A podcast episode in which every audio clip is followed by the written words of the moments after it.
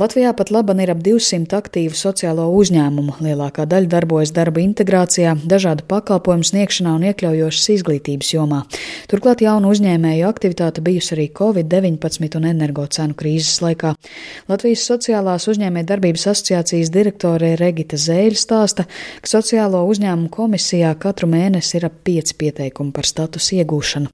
Viņa vērtē, ka pat labana Latvijā šajā jomā ir atbalsta iespējas ideju attīstībai, bet nepieciešams stiprināt stiprināt arī tos sociālos uzņēmumus, kas jau ir nostabilizējušies. Tādēļ asociācija uzsākusi bezmaksas sociālās uzņēmē darbības attīstības programmu pārmaiņu akadēmija. Gan ņemot vērā Covid pieredzi, tāpat arī šī brīža dažādās sankcijas, kas arī droši vien ierobežo, pieņemsim, arī eksportu uz konkrētām valstīm vai arī konkrētu izēvielu arī piegādi.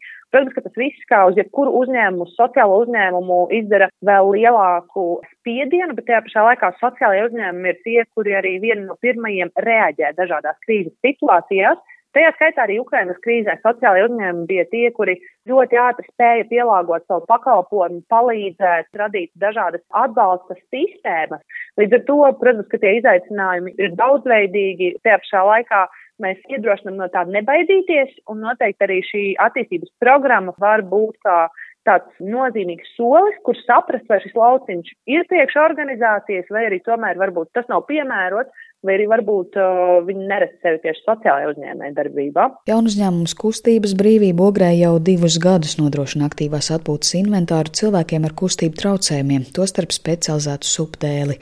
Uzņēmuma pārstāvē Aija Vulle gan secina, ka Latvijā šāda vidas pieejamības pakalpojumu uzņēmuma veidošana nav vienkārša, bet uzņēmums tāpat vēlas vēl attīstīt arī citus produktus un pakalpojumus tie atvieglojumi vai kaut kāda veida atbalsts no valsts puses ir īstenībā diezgan minimāls salīdzinot ar tām citām Eiropas valstīm, ar ko mēs sadarbības partneros esam, ar ko mēs klausamies, kas notiek citās valstīs. Noreģistrēt pēc būtības nebija grūti, bet grūti tieši pierādīt to savu eksistenci, pierādīt tā skaitā arī uzraugošām institūcijām, ka tev nav mērķis pelnīt, bet tev ir mērķis veidot sabiedrību vai savādāk veidu domāšanu uz pakalpojumiem, kur var iesaistīties arī personas ar invaliditāti neslēpšu, diezgan grūti arī ar altumu gāja. Arī altums mūs ļoti bieži nesaprata, ka sociālam uzņēmējiem nav naudas, ko īstenot pašam saviem spēkiem projektā aktivitātes, bet jebkurā gadījumā arī tas mentorings un šis atbalsts no pieredzējušiem uzņēmējiem mums ir noderīgs un vajadzīgs, lai mēs attīstītos un pēc iespējas ātrāk. Sociālā uzņēmuma Zero Design pārstāve Iveta Kokmane stāsta, ka pērn sākus vidē draudzīgu interjeru preču ražošanu pārstrādājot dažādus materiālus.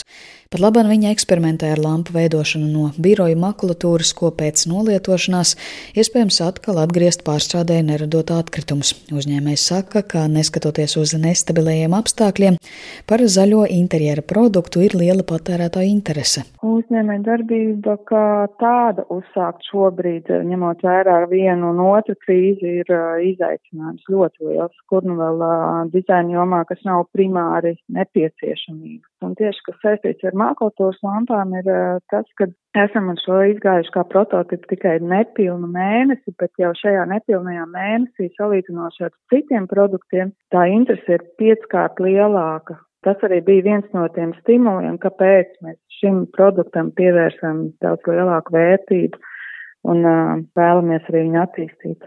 Biedrībām un biznesa ideja autoriem, kuri jau darbojas sociālajā uzņēmē darbībā bez maksas nodarbības, nozares asociācija plāno rīkot tuvākajā laikā. Tāpat šogad sociālās uzņēmē darbības grantu programmas turpinājumam piešķirt papildu 3 miljonu eiro.